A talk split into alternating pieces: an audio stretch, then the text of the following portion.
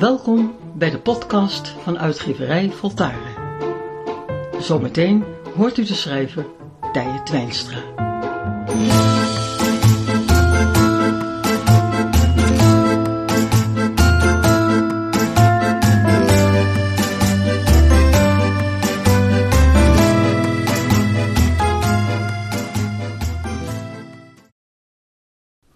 De relatie tussen ouders en kinderen is vaak moeizaam.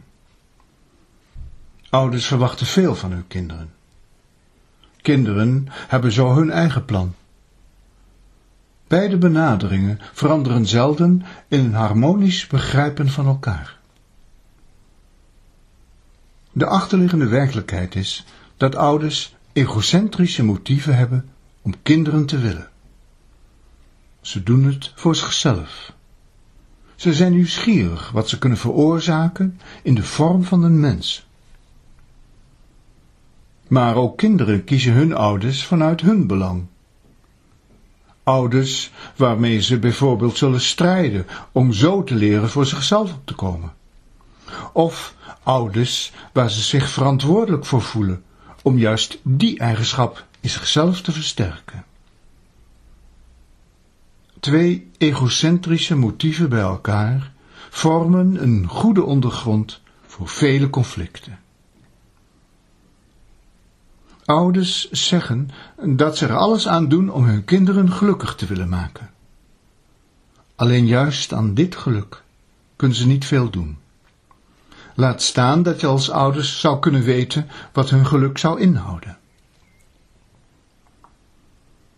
Kinderen vragen zich later af: wie waren mijn ouders eigenlijk? Nu ze dood zijn, heb ik allerlei vragen.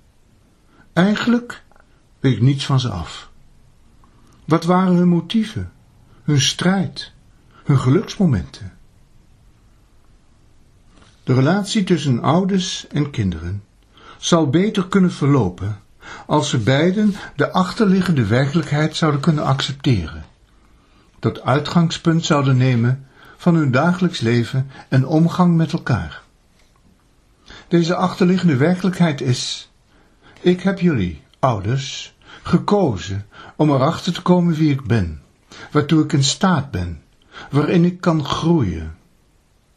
Hoe meer ouders zichzelf zijn en zich niet op de opvoeding storten als was het een militaire operatie of een eindeloze vertroeteling, hoe meer kinderen de tijd krijgen om hun ouders te observeren, hen gade te slaan, in alle ruimte, opdat de eigen ontwikkeling optimaal zou kunnen verlopen. Ouders hebben hun kinderen gewild omdat ze nieuwsgierig waren. Wees dan ook onderzoekend. Sla ze gade. Wees observerend, niet dwingend of bemoeierig. Vraag je af, wie is deze persoon? De onbekende bekende. Waarom heeft dit kind ons uitgekozen? Wanneer ouders en kinderen elkaar vanuit een wederzijdse ruimte en ontdekkingszin zouden benaderen, zouden beide gelukkiger, harmonischer en vooral veel gelijkwaardiger met elkaar kunnen omgaan. Alle strijd, conflicten en misplaatste verwachtingen zouden verruild worden voor een gezamenlijke levensperiode waarin het sterkste van elkaar tevoorschijn kan komen.